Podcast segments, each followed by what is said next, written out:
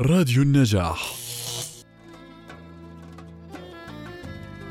برفق يتساقط وبانسيابية ينهمر.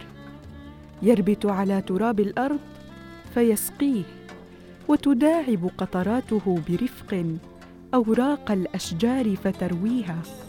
وتطبع زخاته الرقيقة قبلة حانية على وجوه الناس المتعبة. فتريح عنهم شيئا من التعب وقليلا مما أصابهم من نصب.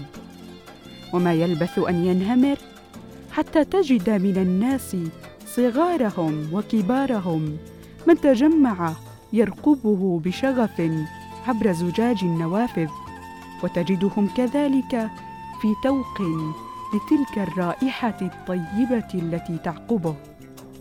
هو ذا المطر. خير أينما انهمر وطيب أينما حل.